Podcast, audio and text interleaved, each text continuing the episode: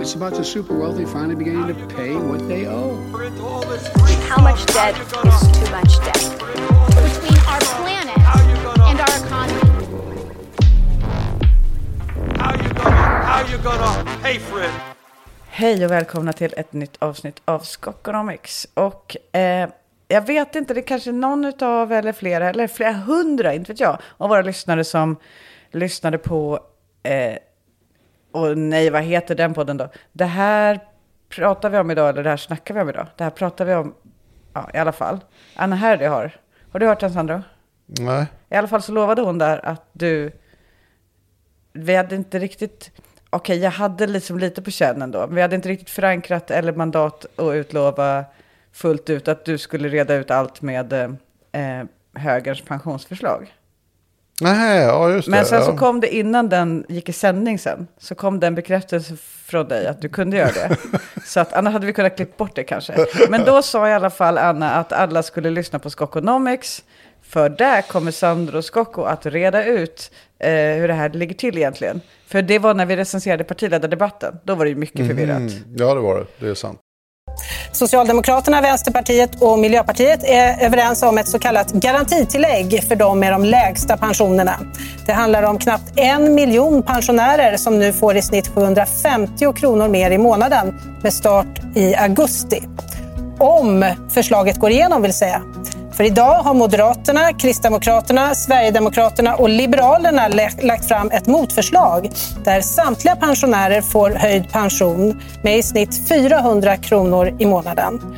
Och båda de här förslagen ger de sämst ställda pensionärerna 1000 kronor i månaden. Centerpartiet har ännu inte bestämt sig om man vill stödja något av de här förslagen. Och i morse så var det också förvirrat, för så här har läget varit, precis som i morse. Eh, Nooshi Dadgostar får en fråga om pensionssystemet och då varför är deras sämre. Och sen förklarar hon med siffror hur deras ser ut. Och sen så säger eh, programledaren typ, ja fast de säger ju inte så. Och så är det liksom där. Ehm, och då är det på något sätt att ord står mot ord. Och så kan det inte vara när det gäller konkreta förslag och siffror. Det måste gå... Lite lat insats kan jag tycka när man är bland journalist faktiskt. Alltså man kan ju... Alltså det går ju att reda ut sånt här så att man, man med full objektivitet Mm. kan säga det här hör dit, det där hör dit, det där blir det där. Men jag skulle då gissa, i och för sig, att vis av... Kommer du ihåg i Pengar och politik för länge sedan när vi hånade public service, eh, eller S- Sveriges Radios i samarbete med några, jag vet inte. De hade i alla fall eh, faktachecknings liksom, webbsite där man skulle kolla om det var sant eller inte. Den hånade ju vi ju järnet. Ja, det, på goda grunder. Ja, jag tänker mig så här sitter man på redaktionen då, om man är på public service där det är en, där det är en jobbig stämning. och så säger man, ja men nu måste vi granska det här. Och så är det någon som räknar och så kommer de fram till, ja så här ser nog eh, deras förslag ut. Och sen så måste de ju dubbelchecka att de har fått det rätt. Och då säger alla på högersidan, nej det stämmer inte. Och då vet de fan vad de ska göra. Kan det vara så? Ja, alltså lite är det ju så. Alltså det, och det har jag en stor förståelse för. att det, det blir lite känsligt om man går ut med det här är min uppfattning som eh, inte minst public service-journalist. Och sen säger alla den är tokfel. Men man kanske ändå har rätt. Liksom, därför det är politik trots allt. Va? Men jag, jag tror ändå att vissa delar av det här går ju att på ett extremt objektivt sätt reda ut som inte går egentligen att ha andra uppfattningar om. Och det var det jag tänkte ändå skulle eh, försöka göra. Att visst, du kan ju ha så här, ja, blev det 450 kronor eller 485 kronor? Jag menar, där är det så här. Men, men vad saker och ting hör hemma, det går åtminstone att reda ut kan jag tycka. Mm.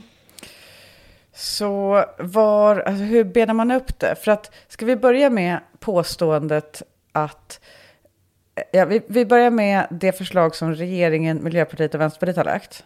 Det är väldigt enkelt i sin konstruktion, även om det kanske är komplicerat i, i undervegetationen. Ja. Alltså i hur man har konstruerat det. Men så är det enkelt i vad det innebär. Det är 1000 kro- upp till 1000 kronor skattefritt till pensionärer som eh, har garantipension. Ja, i princip så får ju nästan alla de som har garantipension den fulla tusenlappen. Det är ungefär en halv miljon människor. Eh, och den Men är, ju då typ en miljon, skattefri. är det inte typ en miljon som, Nej, nej. som har, som, som, som totalt, som berörs? Nej, det, det där är dessutom inte heller så lätt att reda ut, vilket jag verkligen försökte att göra. Men det är 600 000 ish eh, som har garantipension. Eh, och då har det ju blivit liksom lite missförstånd kring det här. Men då får, ju, då får ju en halv miljon i det förslaget nu som ligger i överenskommelsen från regeringen och Vänsterpartiet. Där, som var då ett krav från Vänsterpartiet för att släppa fram Magdalena Andersson som statsminister. Där ligger ju de här tusen kronor netto. Eh, och då var det ju så att Vänsterpartiet ursprungligen krävde ju egentligen en garantipensionshöjning. Eh, och det var ju inte regeringen så himla pigga på. På grund av det här med pensionsgruppen. Därför det är nämligen väldigt tydligt att just garantipensionen ligger inom, inom den här gruppens liksom, domäner. Va? Och då kan man väl säga att eh, Vänsterpartiet och Socialdemokraterna och Miljöpartiet var väldigt kreativa, precis som du säger, den här undervegetationen.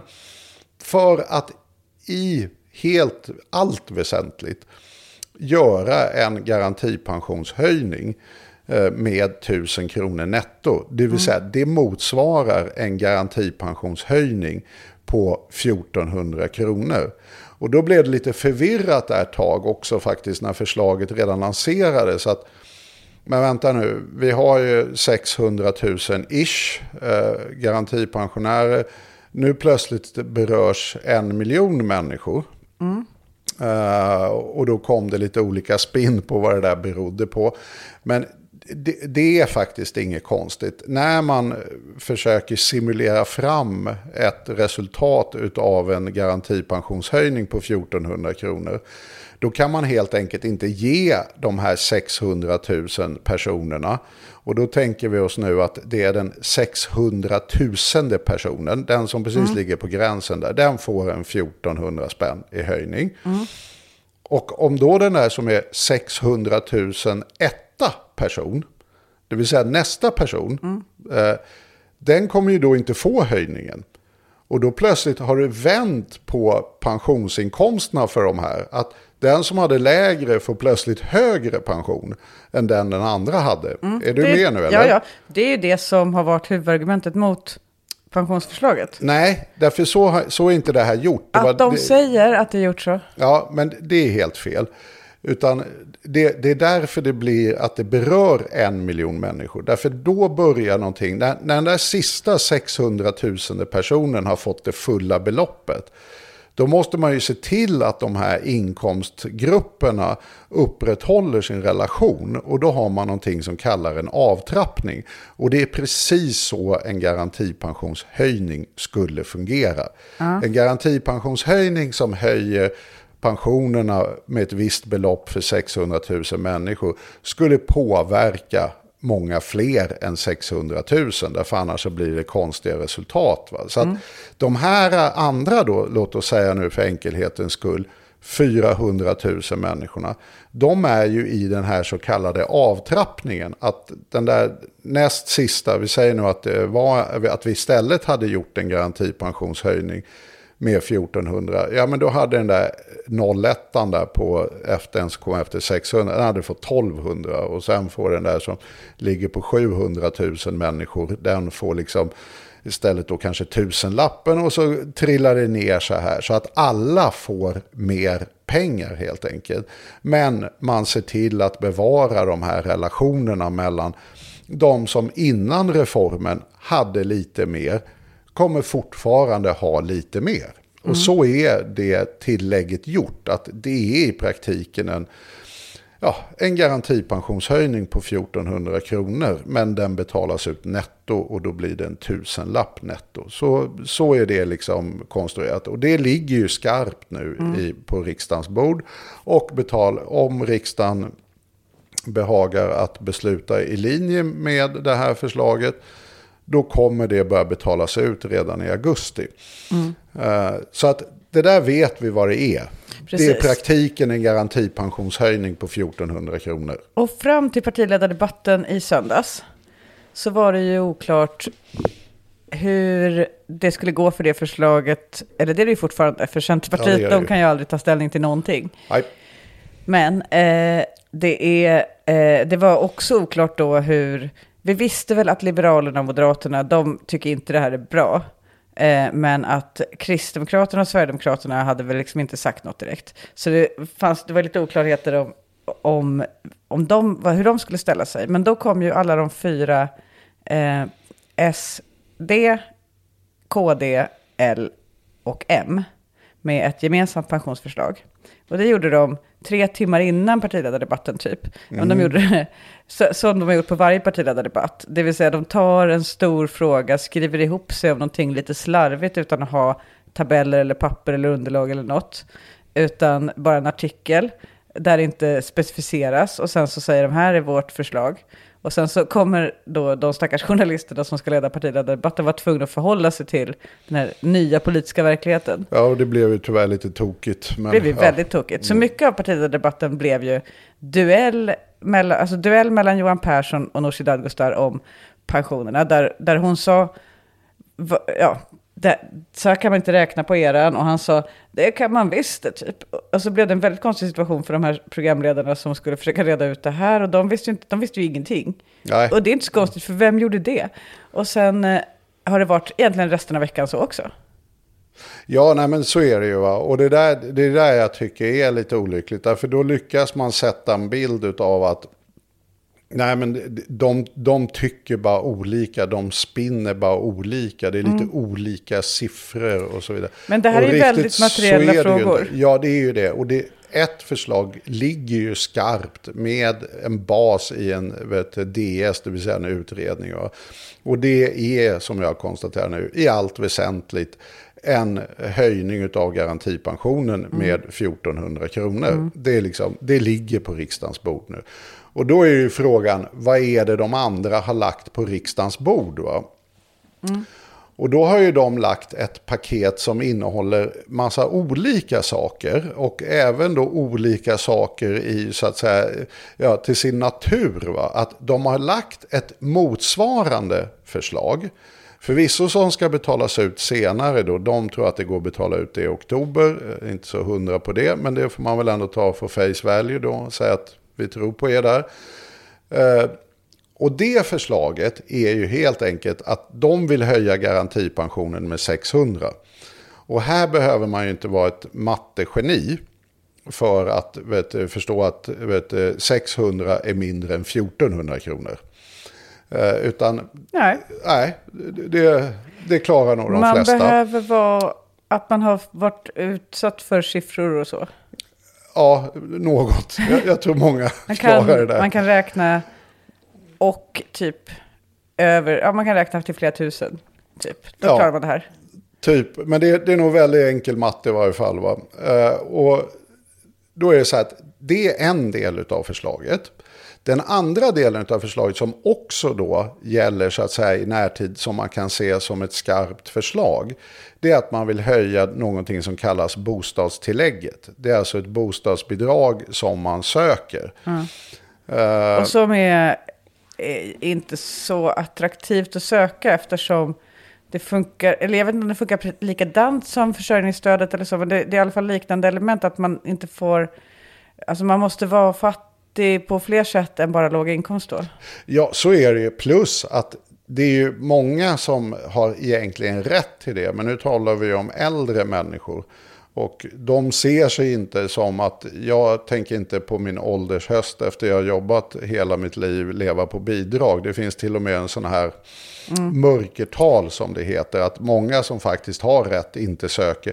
Plus att naturligtvis många som till och med har väldigt dåliga inkomster ändå inte kommer in. Nej. Därför de till exempel är sammanboende och så vidare. Va?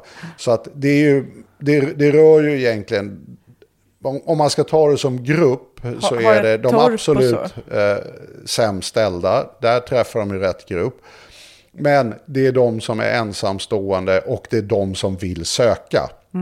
Och då blir gruppen mycket mindre. Eh, helt enkelt. Så att det här är ju ingenting som träffar alla. Och, och tittar man på de beräkningarna som är gjorda nu.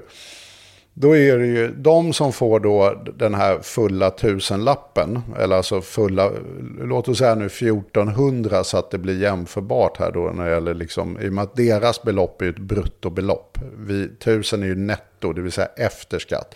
Deras belopp 600 är före skatt. Och då är ju motsvarigheten helt enkelt då 1400 före skatt. Så att de som får 1400 före skatt, det är ju en halv miljon pensionärer. Det vill säga nästan alla garantipensionärer. I deras fall är det ju de som skulle få maxbeloppet i deras reform. Det är bara 200 000. Och det är ju därför att det blir en högre andel av liksom de som inte helt enkelt vare sig söker eller är berättigade till det. Och du måste just söka. Det är ingen pension helt enkelt. Det är egentligen olika storheter. Det ena är ett bidrag. Det, vi, det som Vänsterpartiet har lagt är ju en pensionshöjning. Förr fanns det ju liksom ett bostadsbidrag för alla. Alltså inte för alla människor utan för alla som var berättigade. Men jag menar som inte var åldersrelaterat. Mm. Eh, är det liksom lite likadant som det här som finns kvar nu i pensions... Ja, I grunden är det ju det. Alltså ett, ett bostadsbidrag, om, även om du inte är äldre, måste du ju söka och uppfylla kriterier och så vidare. Fylla i för- massa grejer. Ja, absolut. Det är det som går med ansökan. Det går hand i hand. Så att du har ju två delar här. Att de har ju då valt att räkna på en ensamstående med vet, eh, låg inkomst så hon är befogad och hög hyra då så hon är berättigad till det här bidraget. Och så har de gjort det som vår standardtyp. Men då ska man ju veta att den standardtypen är ändå relativt ovanlig. Så att det är det ena, att det är en mycket lägre nivå. Det ger mycket mindre pengar. Eh, och det betalas ut senare. Så på alla sakliga grunder är ju det här helt enkelt ett mycket sämre förslag för pensionärerna. Eh, men hur har de som SVT tyvärr då gjorde kommit upp i att det här ger ju också den fulla tusenlappen till eh, de här fattigpensionärerna eller de som har det sämst ställt. va. Jo, då räcker inte ens deras typfall. Om man tar då den här med sämst inkomst som har sökt och är ensamstående. eh, Det räcker inte ens för att komma upp i motsvarande nivå på det som redan ligger på riksdagens bord. Va? Och där tycker jag att det börjar bli, där tycker jag att det är rätt okomplicerat att sortera ut. Därför då säger de att nästa mandatperiod vill vi sänka skatten för pensionärerna. Och då slänger de in den också. Och sen säger de dessutom, och det kan ju tidigast hända 23. Ja, då, då räknar de in det. De räknar ju De in att- det i den de här säger att de tusenlappen. vill sänka skatten. Ja, i den här tusenlappen. Men de vill ju alltid sänka skatten. Jo, jo, Alltså, men då räknar de ju in att det är så här. Jo, jo, men om vi kommer till regering och vi får bestämma, då kommer vi dessutom sänka skatten. Så den slänger vi också in. Och då ska det räknas i deras uppgörelse. Och då ska det räknas som att det ska ställas mot de, det förslag som ligger på riksdagens bord nu. Vilket är ju helt...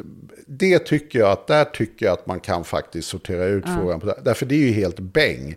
Därför att om du ska göra den jämförelsen, att säga att vi ska inte bara ta ställning till vad som ligger på riksdagens bord nu i skarpa förslag, utan vi ska ta ställning också till rätt fluffiga föreställningar om vad som händer efter valet beroende på vilken regering som vinner.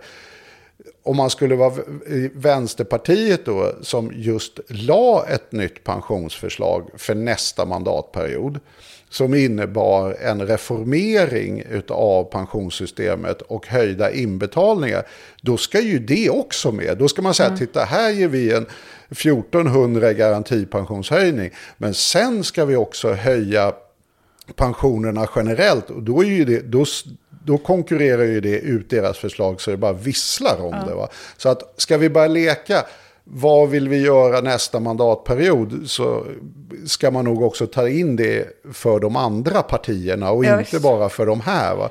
Då finns det ju massor med förslag. Ja, och dessutom så slänger de in ytterligare en grej och inte bara skattesänkningar. Och det är ju då gasen som har diskuterats. Det vill säga att, Gasen? ja, gasen. Eh, ett kul fenomen. Vi har ju ett buffertsystem för pensionerna. Eh, och då ska ju det vara på en viss nivå så att man är säker på att ja, men faktorer förändras lite så går inte systemet i putten utan man pallar. Det är en buffert helt enkelt. Eh, och då har ju det syst- buffertsystemet är helt enkelt överfinansierat. Så att det här talet, man talar om ett balanstal på ett. Att vi är på väg att bara komma högre och högre över det här. Och då, då är ju vårt system idag konstruerat så att om vi kommer under ett, så bufferten blir för liten, då har vi en broms. Då slutar man att höja pensionerna eller betala ut dem eller sänker dem till och med. Va? Och säga att nej men nu har vi betalat ut för mycket pensioner här därför buffert. Så att vi har en broms redan idag. Men i och med att systemet tvärtom har problem med att det är överfinansierat. Precis, det har man ju hört. Då vill man ju ha en gas också. Så man både har en broms och en gas. Va? Och då tar de ju åt sig äran för att de typ förmodligen tidigast 2024 ska genomföra en gas. Men det- men och det- det, har de också Det slängt kan ju i in. vi... Då kan ju alla räkna i det. Exakt den pengen i och med att vi själva i vårt förslag för nästa mandat, mandatperiod också har föreslagit att lägga in en gas. Och typ nästan alla partier nu lutar nog åt en gas. Så betyder det att ja, då ska du ju lägga på det också. Men det är ju någonting som inte kommer hända förrän 2024 tidigast. Och som typ ja, de flesta partier står bakom idag. Så att det, det finns ju liksom, den problematiken tycker jag faktiskt man från medias sida borde kunna reda ut. Alltså Så vad ligger här. på bordet? Och så har vi lite olika uppfattningar om vad som ligger på bordet. Vad rör framtiden vid ett regeringsskifte och nästa mandatperiod? Så att, och det som ligger på bordet, det går inte att räkna ihop helt enkelt. Att det skulle vara en lika stor höjning som det som nu så att säga har kommit, ligger på bordet från regeringen i propositionen. Men stämmer det i alla fall om man räknar ihop allt det som de vill räkna då? Nej, alltså räknar man ihop allt det de... Alltså, om man räknar ihop det som ligger på bordet ifrån dem nu och Ja, vi ja, tar bort det- det, här som är framtiden. Va? Eh, tittar man då på det som eh, rör då garantipensionen, då, då är det ju för gar, det här garantitillägget, det är ju då 1000 kronor netto, det vill säga 1400. Eh, och tittar man då på det som oppositionen har lagt, då ger det 478 kronor istället. Så att 1000 kronor får du netto på det som regeringen har lagt på bordet på Vänsterpartiets initiativ. Och oppositionens ger inte ens hälften så mycket av det. Va? Nej. Eh, och det, det är ju liksom det man i praktiken har att förhålla sig till. Va? Eh, och då kan man ju titta också när man tittar på dem, i och med att det är just den här avtrappningen jag var inne på. Eh, så även då om man tar en högre pension, alltså som då ligger i avtrappningen, det är alltså bortom den halva miljonen människor som får fullt. Så en person som då har en allmän pension på 14 000 kronor, de får ju ändå då 410 kronor i höjt, eh, i höjd pension. Och med oppositionens förslag så får man vet, ungefär hälften, 220 kronor. Va? Så att det här är ju en halvering utav helt enkelt det som eh, regeringen tillsammans med Vänsterpartiet och Miljöpartiet lägger fram. Sen så ser ju jämförelsen eh, bättre ut när man då tar in det här höjda bostadstillägget. Men då ska man ju veta det, det är inte pension. Du kan inte med ens bästa vilja i världen säga att det är pension. Pension är någonting du får, du inte har sökt det och så Pensionsmyndigheten bara betalar ut. Just det. Och förutom att vara väldigt fattig så kräver det att man har en ganska dyr bostad, eller hur? Ja, ja, exakt. Det är såklart du måste ha... Så att om du bor billigt, för du har betalt av alla lånen på ditt, ditt, ditt lilla hus, eller så. Eh, då kan det inte komma i fråga. Ja, det, det är en rätt komplicerad Eller beräkning just det, man det kanske inte ens kan ha hus. Man kanske måste ha hyres... Nej, alltså de har ju ändrat reglerna där. Ja, men det, jag, jag tror det leder lite långt att reda ut det. Men man kan ju säga att det är ju ett bostadstillägg som syftar till att täcka bostadskostnader. Va? Eh, och att man måste ha en väldigt låg inkomst för att få det. Och att det, det är knepigt att få det om man helt enkelt är två som bor i bostaden. Eh, så att tittar man på det, då, så att de som då träffas utav det, då blir ju bilden bättre. Men inte ens den gruppen. Och nu, nu talar vi ju då bara om ensamstående, nästan kvinnor, eh, som har väldigt låga inkomster. Och som har sökt, därför det, vi ska komma ihåg det, det är massa ensamstående kvinnor ut med låga inkomster som inte söker det. Va? Men även då de som har sökt det och skött sig, ja men då får de ungefär 800 kronor. Medan däremot så betalas det ut 1000 kronor rakt av på det. Så inte ens för den här lilla gruppen de har gjort som typgrupp. Som maxar ut allt. Ja. Ja, när, när de maxar ut allting. Men då kan det ändå bli 800. Då kan det bli 800 för de som maxar ut allting. Va? Men det är ju då man ska veta det. Att det är, det är ju 200 000 personer som kommer att maxa ut det. De övriga kommer, det är ju en miljon totalt som berörs av garantitillägget. Varav en halv miljon maxar ut garantitillägget. Så att det, det är en enorm skillnad i hur många som berörs. Men alldeles nyss här så frågade jag ju att om det var en miljon som berördes av garantitillägget. Det är det. Och då sa ju du nej. Nej, jag sa ja.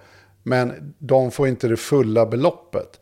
Och det är därför de är i den här avtrappningen. Ja, men det det, vet jag väl, Mm. men det var ju inte det jag frågade. ja, då missuppfattade jag din fråga. Det är en halv miljon, eller det är en halv miljon som får det fulla beloppet. Men i och med att det inte bara går att stänga där, därför, och det, så är det ju när du gör en garantipensionshöjning. Så, alltså det här är ju exakt gjort efter en garantipensionshöjning. Då måste alla få lite pengar och till slut får den där miljonte personen får ju väldigt lite pengar. Det kan väl vara en hundring eller något sånt där. Va? Eh, Så att det är en trappa som börjar trilla ner ifrån den där halva miljonen. Men den där som är 600 000 får ju fortfarande rätt mycket pengar. Va? Så att det där är ju, så ser det ju ut. Va?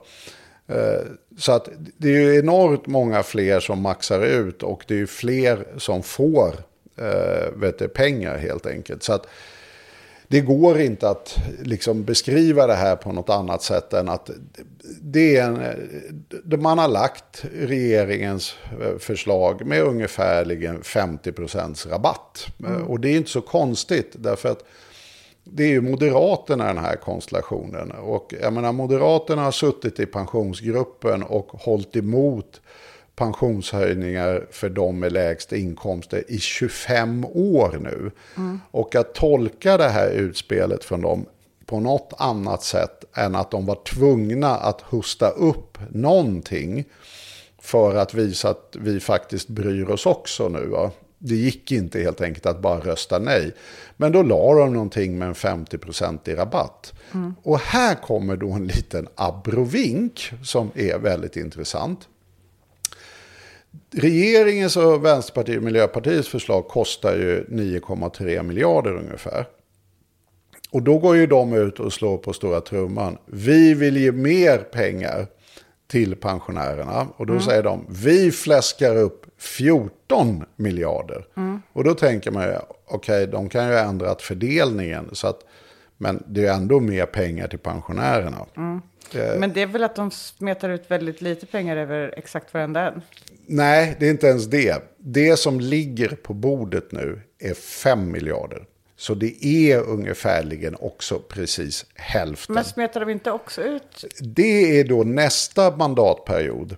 Ah, ja, D- när, de, när de ska göra den här skattesänkningen på eh, tror jag, Ah, ungefär en 200 för allihopa så blir ju det fruktansvärt dyrt. Va?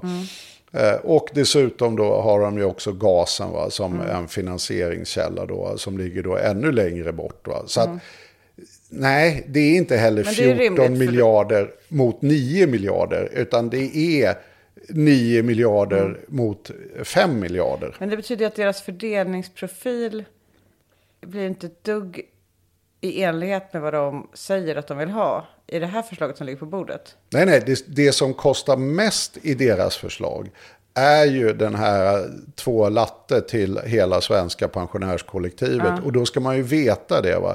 Alltså lite som Finanspolitiska rådet som alla går ut och säger. Pensionärerna har det jättebra i genomsnitt. Och det har de ju. Därför att det finns ju massa rika pensionärer. Och vad de här rika pensionärerna ska göra med två extra latte i månaden är för mig extremt oklart. Alltså jag, jag tycker att det är vansinnigt. Får det låta som väldigt lite, men vet du vad en latte kostar? Alltså, det är skitmycket pengar. Det är 200, det, det är det jag vet. Ja. Jag är faktiskt rätt up to date på det. Alltså ska du ta någon stor latte så, fall Stockholms Så tycker- innerstan så går det på 80 spänn. Mitt att, förslag är alltså att de inte köper två latte utan mat för en vecka. Jo, fast om du nu är en otroligt välbeställd pensionär, vilket vi har väldigt många Mm. Ja, av visst, också. då kan du köpa två latte. Ja, de kommer ju köpa inte. två latte till. Och inte ens, det var inte så, så att de inte hade råd med två latte förut, utan det kommer mer vara så här, okej, man kanske skulle, ja, vad de nu vill köpa. Men Spetsa latten lite. Ja, med en konjak. Men alltså, nej men det, alltså, det är utifrån mina utgångspunkter en sån otroligt dålig politik. När man tar skattemedel som kan gå till liksom äldreomsorgen, till offentliga investeringar, till att just höja kvinnors löner. Alltså det, det, det, det, finns så mycket vettigt man kan göra med skattepengar. Att då lägga så fantastiskt mycket pengar på att ge redan rika människor 200 spänn till i plånboken. Det är inte det jag tycker känns mest angeläget om jag uttrycker mig lite försiktigt. Nej, eh, men för att jag menar, de har ju i sin kritik utav, alltså det är hela deras argumentation mot det pensionsförslag som regeringen har lagt nu, eh, så är det ju att det här är inte bra för de som har jobbat då, de får inte, eh, de får inte, då menar de så här typ att, och, och, och, vi ska inte gå in på den argumentationen för den är ju tokig också. Jag menar, det, det är klart att kommunalarbetare som är låga löner har jobbat. Men eh, det de menar är då att den som tjänar lite mer, eh, den, den gynnas inte utav det här förslaget, utan tvärtom så blir det lite orättvist då tycker de att inte de får höjd pension, de som är fattigast och de som tjänar lite mer än de som har garantipension. Eh, men då undrar jag, är det inte så att deras eget förslag blir precis likadant då? Nej, men det krymper ju det som kallas då respektavståndet. Man har ju talat om marginaleffekter, men det är inte. Alltså marginaleffekter är ju inom samma tid alla effekter av skatter och bidrag och så vidare. Och då, när man talar då om, som jag såg att SD gjorde med, jag misstänker starkt att de faktiskt inte heller vet vad både det ena eller det andra är. Men när man talar om en Pomperipossa-effekt, det här gamla begreppet som SD försökte ta upp, då handlar det ju just om, alltså sa, i samma tid en effekt av alla skatter, avgifter och inkomster. Det vill säga, och har man då hundraprocentiga marginaleffekter, då får man liksom ingen ink- inkomst alls av det här.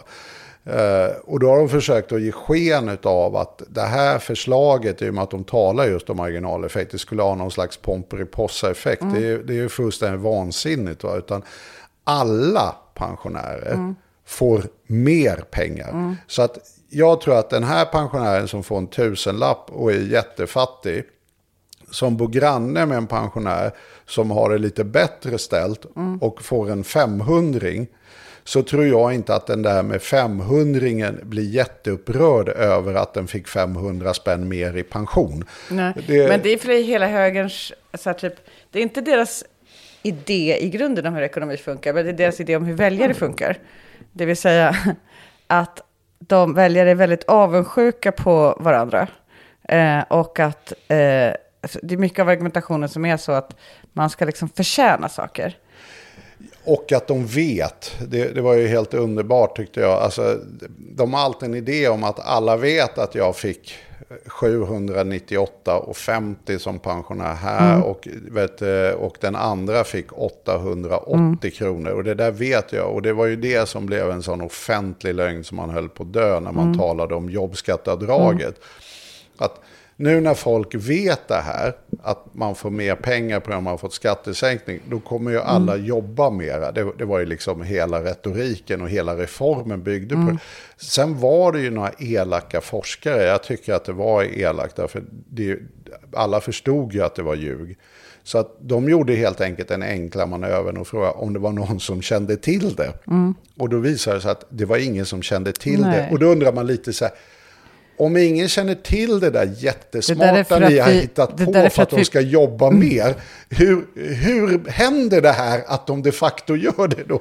Det är liksom en rätt spännande frågeställning faktiskt. Som vi kan väl säga, borgerligheten har fortfarande inget svar på det. Att om du ska reagera på någonting så är det inte rimligt att du ändå känner till vad du ska reagera på. Eh, Det, det är liksom, ja, Men det är därför att vi lever i, i Sverige och eh, i, i våra kulturella normer så ingår att aldrig yppa vad man har för inkomst. nej. Eh, det... är en oklart varför det är så. Jag kan inte riktigt hitta något skäl. Men jag vet ju också att om jag får frågan i ett socialt sammanhang om vad jag tjänar, då får jag ju panik för jag vet inte hur jag ska svara.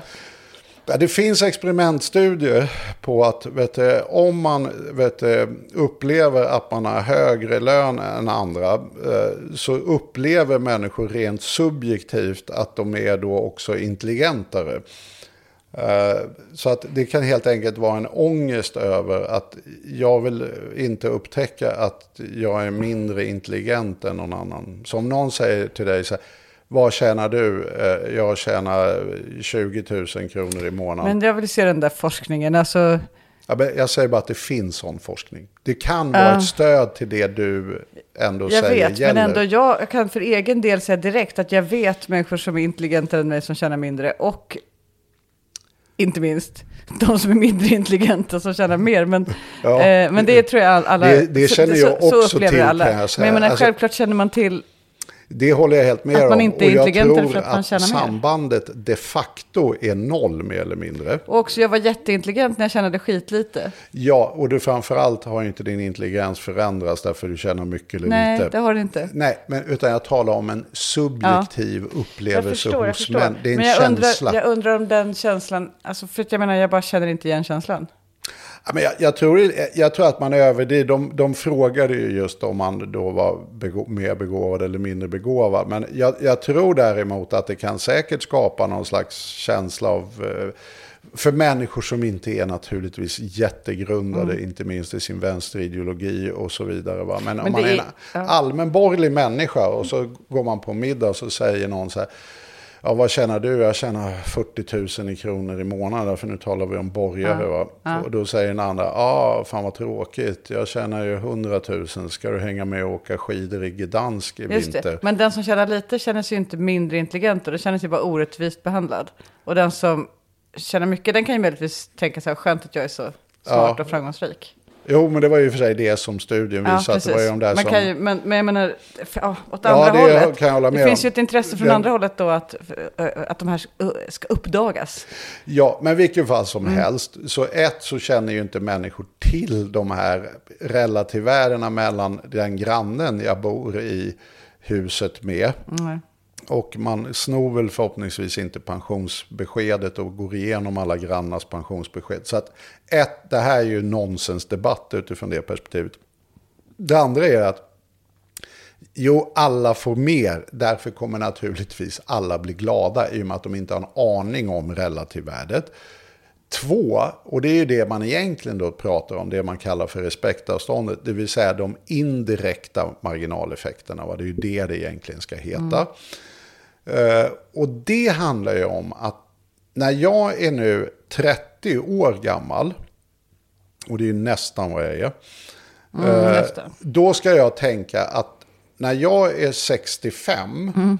så ser jag nu att om jag jobbar mellan 30 och 65 så kommer inte det leda till lika stor pensionshöjningsskillnad som om jag hade slutat vid 62. Därför att då kickar, om man har låg inkomst, vill säga har man höga, det här talar vi bara om då, därför alla andra lever ju i en annan värld. Va? Alltså de, det är ju tjänstepensioner och allting sånt där som är viktigt där. Va?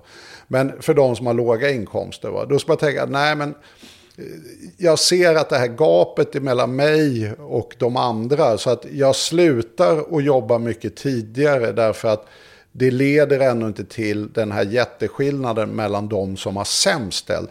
Så att slutsatsen blir, jag tänker inte fortsätta att jobba de här 30 åren därför att jag kan lika gärna tjäna absolut sämst utav allihopa. Jag siktar på fattigpensionär. Men höjer vi tillräckligt för fattigpensionärer, då skulle väl det... Alltså det vill inte... Säg att vi säger, ja men som fattigpensionär, då kommer du ha 30 000 i månaden. Då kan man ju tänka, okej det tar jag. Nej, jag, jag tror ärligt talat att det här är... Alltså ett, jag håller ju med om att jag tycker att det ska finnas en sån här ordning. Alltså det ska vara en, alltså pensionen är ju en, en, liksom en utbetalning i relation till dina arbetsinsatser. har ju alltid varit det. Sen har vi ju ändrat systemet mellan ATP och så här. Men den kopplingen ska alltid finnas. Och det har ju också Vänsterpartiet föreslagit nu. Att man höjde först golvet och det förslaget som var första maj är ju faktiskt att man höjer våningarna ovanför nu. Så att det, den här speglingen blir tydlig. Eh, men däremot så tror jag inte att det egentligen har jätte, jättestor arbetsutbudseffekt. Utan det ser jag mer som en... Någon gräns måste det finnas. Jo, jo, det finns ju alltid Om, gränser. är, om du får en miljon i månaden. Jo, jo, men det är såklart, men det, det är ju helt otänkbart. Va? Jo, att, jo, men men menar- inom rimliga antaganden så tror jag, däremot så tror jag ju att det har mycket mer effekt. Alltså, eh, min erfarenhet, nu, nu jobbar vi utanför vetenskapen, men den går säkert att hitta någon forskare som har tittat på det. Men när människor verkligen börjar bli intresserade av sin pension, är när man är typ plus 55. Och då kan man gå in och titta på Pensionsmyndigheten. Och det är en helt orelaterad effekt. Va? Alltså då kan du ju se, om jag går vid 62, hur mycket får jag då? Om jag går vid 65, hur mycket får jag då? Och så vidare. Va? Men det kommer ju... Förut kom det i alla fall hem i ett kuvert. Ja, okej, nu är jag digital, jag är rätt modern. Man kan Nej, men jag menar att man och- kan det. Jag tror inte det kommer kuvert längre. Det var länge sedan jag såg ett. Nej, jag men jag vill minnas att det. det liksom kom i kuvert så att alla åtminstone fick, fick en papperslapp där det stod så. Ja, nej men precis. Så att det, är ju- det är ju sådana faktorer som styr. Och nu höjer vi ju pensionsåldern och så vidare. Och i grunden tycker jag det är så att säga en sund politik. Det, det jag tycker är osunt är att man inte alls beaktar hur arbetsmarknaden fungerar. Det vill säga att om du har jobbat i offentlig sektor med ett slitsamt jobb som till exempel undersköterska och by the way då haft en väldigt låg lön. Alltså 70% av alla kommunalare som har arbetat hamnar i garantipensionen. Och det är ju kanske inte så det var tänkt att det skulle se ut. Va? Utan det är ju därför garantipensionen har blivit så låg. Va? Men om de sen dessutom slits ut i sitt arbete på grund av arbetsmiljöproblem och är tvingade att gå i pension 57, då straffar vi ju sådana personer väldigt hårt idag. Därför att vi ser det i praktiken, vilket var just Finanspolitiska rådets rapport som kom nu, att det är ett personal choice. Alltså de var verkligen roliga. Nej, men vi har inget problem med pensionssystemet. Problemet är att det är människor som har haft för låga inkomster och går för tidigt i pension. Uh, dö.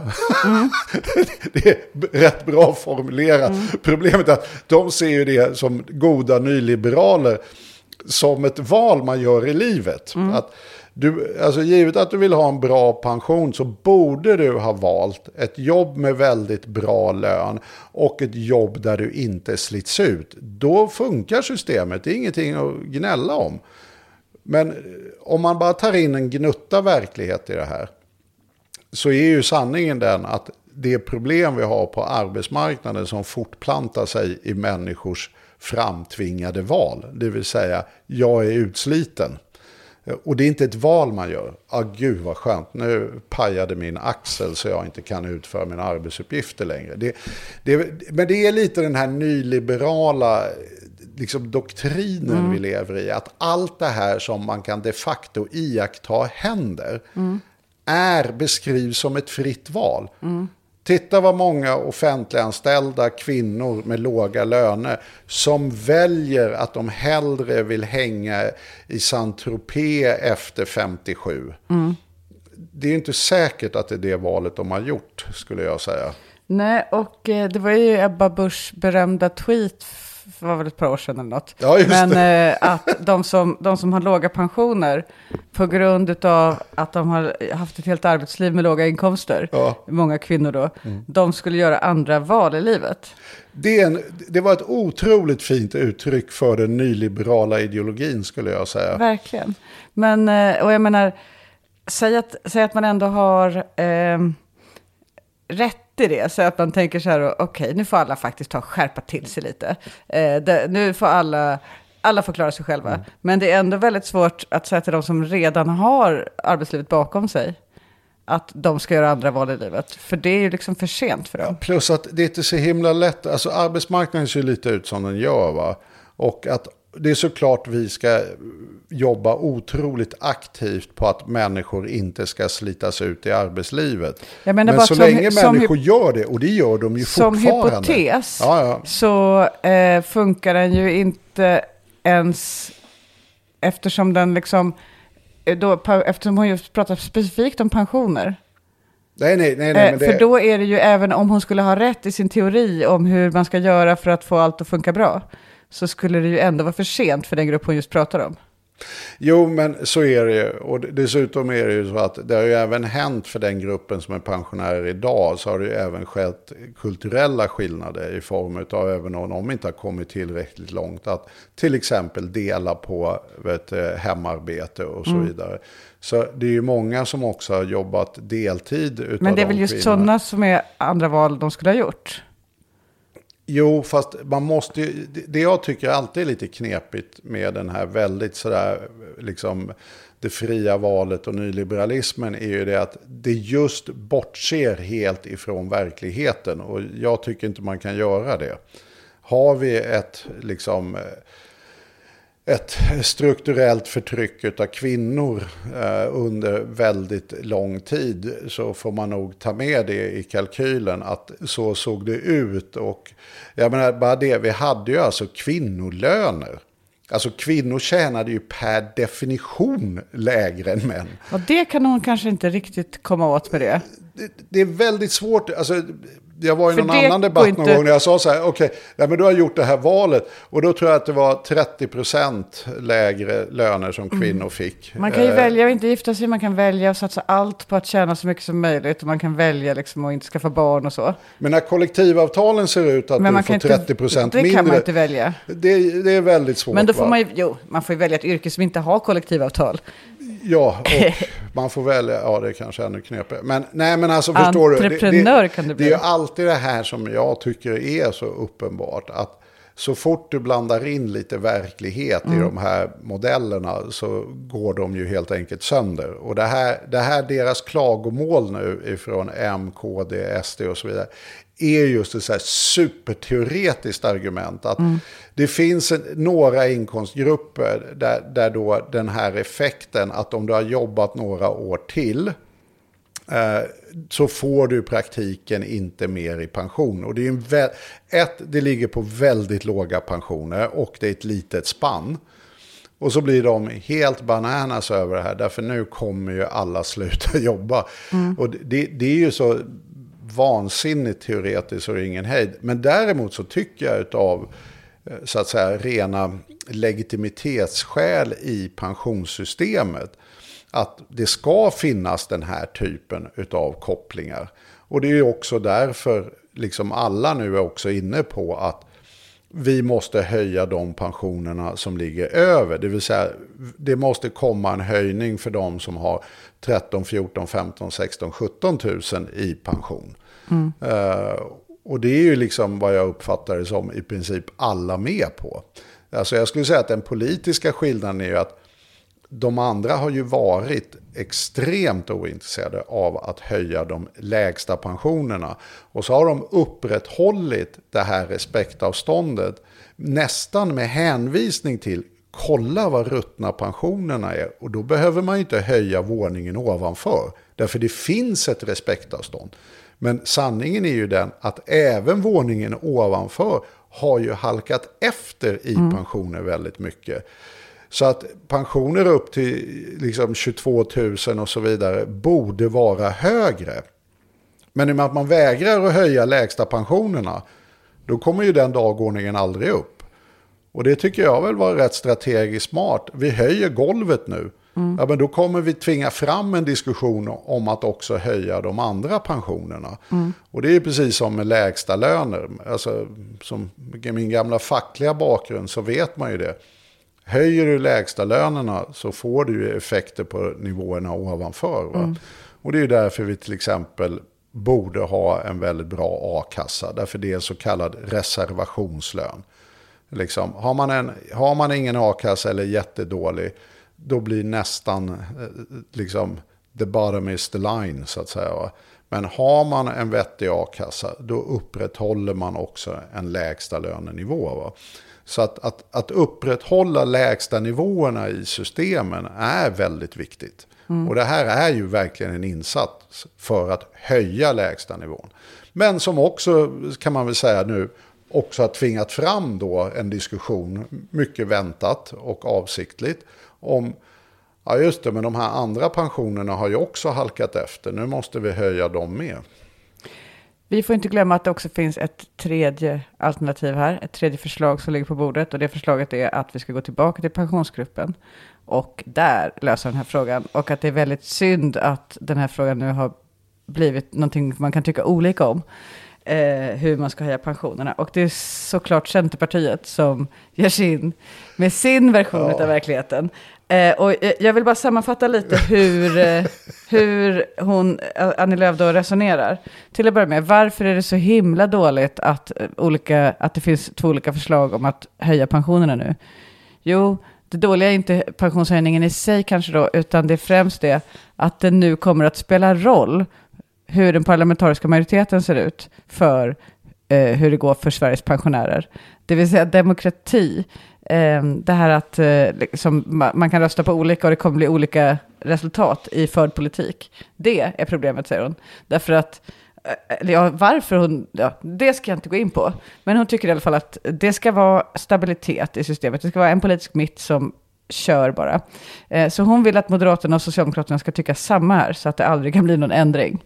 Eh, det, det är det första, hennes första invändning. Hennes andra invändning, det är ju att, eh, eh, nu ska vi se, ja men skattesänkningar och höjt garantitillägg, det är väldigt dåliga förslag båda två.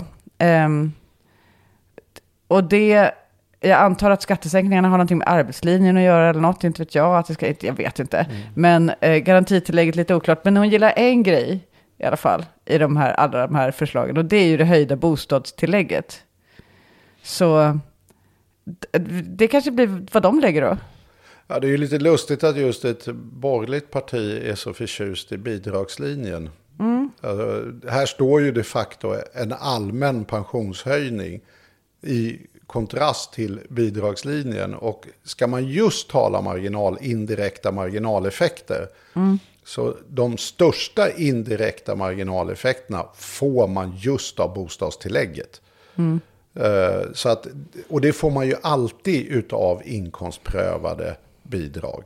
Att det är liksom så de funkar. Va? Och det är därför man har haft en ambition att inte ha allt för många. Därför då kan man just få en sån här sammanvägd effekt som gör att ja, det blir hundraprocentiga marginaleffekter. Så att barnbidraget här är ju magiskt ur ett arbetsmarknadsperspektiv. Det vill säga att det får du ju bara. och, och, oavsett om du jobbar eller inte. Så att det, det är en väldigt konstig ideologi hon har landat i, givet den ideologiska utgångspunkten. Men, det jag tycker är mest roligt, vilket jag tycker är lite sådär, ja, avdelningen Kafkafest faktiskt. eh, Det är ju det att här har vi alltså två, oavsett vad man nu tycker om de här grupperingarna, Men vi har två grupperingar som har bestämt sig för att förhandla ihop sig om olika alternativ. Och det ena är ju då SD, eh, Moderaterna, KD och L, ändå fyra partier. Och mot det står då tre andra partier som har förhandlat ihop sig. Och det är ju då S, eh, V och vet, eh, MP. MP. Så att här, här har ju pågått massa förhandlingar helt uppenbart. Vi har ett parti som var mycket aktivt inbjuden till båda de här konstellationerna och vara med. Och framförallt kan man väl säga att de var väldigt efterfrågade i den här SMP-V-konstellationen. Att kom och förhandla, var med och tyck till om vad vi ska hitta på. Och de sa, nej, vi vägrar att förhandla med er. Eh, Och vill inte överhuvudtaget komma till det bordet. Sen så satte sig ju andra gänget och då höll de samma hållning där. Vi vägrar att komma till det bordet. Sen lan- lanserar de ett förslag. Där de säger det förhandlas alldeles för lite. Kom och förhandla ihop en lösning i den här gruppen. Ja, en grupp som- det här- En grupp som bara består av oss. en grupp som bara så, och det, det blir lite löjets skimmer av det. Därför då är det ju dessutom så att två partier utav de här som har, är mycket centrala i respektive förhandling skulle jag säga. Det vill säga SD och V var på respektive sida. De är ju inte heller inbjudna till den här förhandlingen. Och då Nej. hade man kunnat ta, tänkt sig att hon ändå sa, Det är väl hela poängen. Ja, men om hon nu menar allvar att nu måste vi sätta oss allihop och, och förhandla. Nej, hon gör en liksom väldigt tydlig poäng. Att de här två partierna som ingår i de andra förhandlingarna får inte komma till den här förhandlingen. Eh, och säga att nej, det är inte tal om att öppna upp för fler partier. Och man blir så här, Okej, så din inbjudan är att ni vill inte delta i några förhandlingar, men du vill ha en ny förhandling nu, men du vill ta bort de som får förhandla. Jag har ju lite svårt att se att det är ett framgångsrecept. Jag, Jag tycker faktiskt sy- ganska synd om Centerpartiet överlag sådär. Kanske inte, det här är Var jag mest för kul. raljant nu eller? Nej, det här är liksom... Det här, det här är ju bisarrt att de hamnar på den här ståndpunkten. Just Mm. Ja, här. men den är lite Kafkaartad Eh, Men de faktiskt. gör ju det hela tiden. Eh, alltså de har ju inga, de har inga andra utvägar, tycker de själva. Och jag tänker att det beror på att de har bytt ut alla sina väljare mot andra väljare som inte tycker som dem. Och att det är ett grundproblem som de har i hela sin struktur. Alltså de, har, de är borgerliga, men deras väljare är inte det. Mm. Ja, vad ska de göra liksom? Nej, Göra, säga vad de tycker? Eller, ja. Jag får väl ärligt talat säga att jag vet, vet vad de borde ha gjort. Och Annie, hör det här, slå en signal så ska jag ge några goda råd. Jag är bra på att ge råd. Nej, men jag, jag tycker det fanns ju en solklar öppning. Alltså, nu är ju det ena förslaget som ligger från regeringen och MP och S och V, det är ju färdigförhandlat och klart. Men om de nu var så bekymrade över att de med högre pensioner inte fick någonting, då hade de ju kunnat gjort ett centertillägg till det förslaget och haft en presskonferens med regeringen och sagt att Ja, Vs och MPs och S förslag, det var inget bra. Men nu har ju vi bidragit med i en förhandling med regeringen och hållit en presskonferens. Och nu får de som har mer pengar lite pengar också.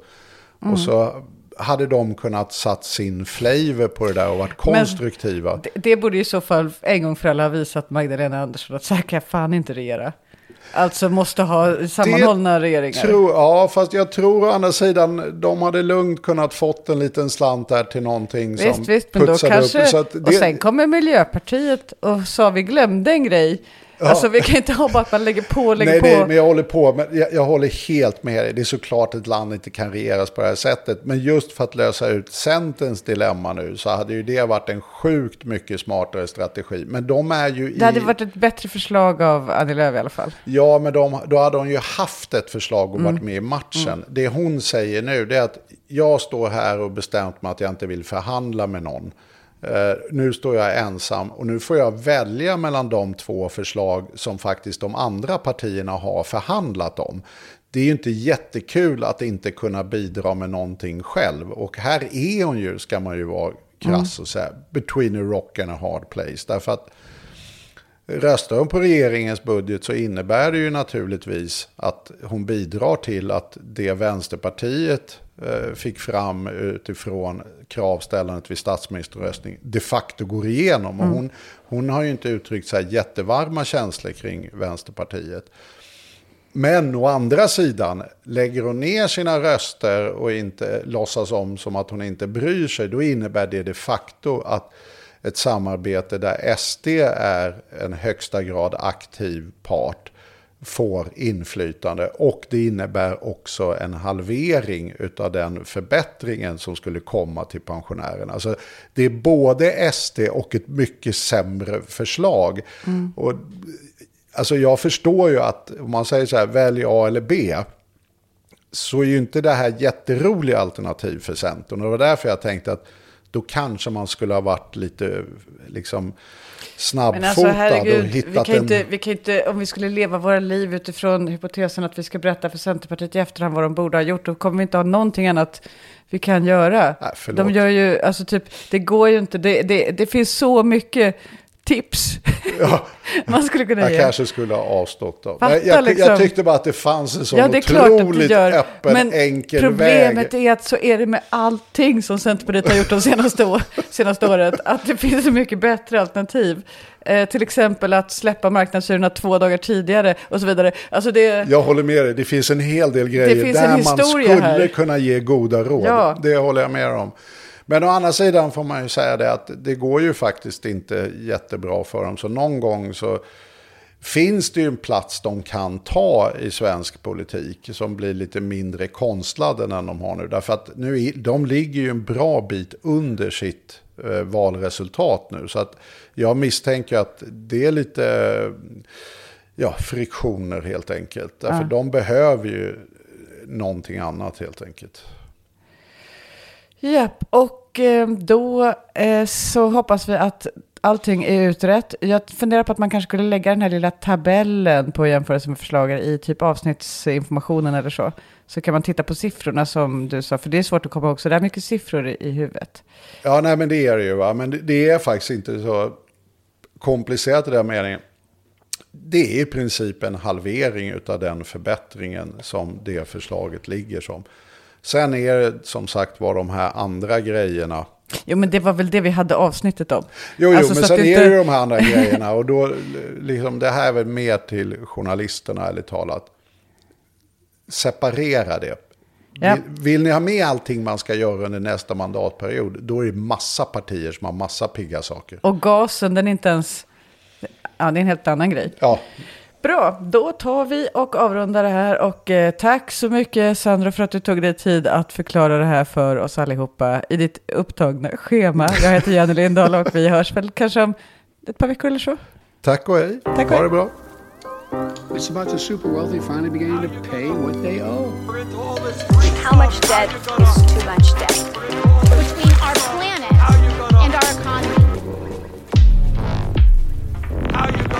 How you gonna, pay for it?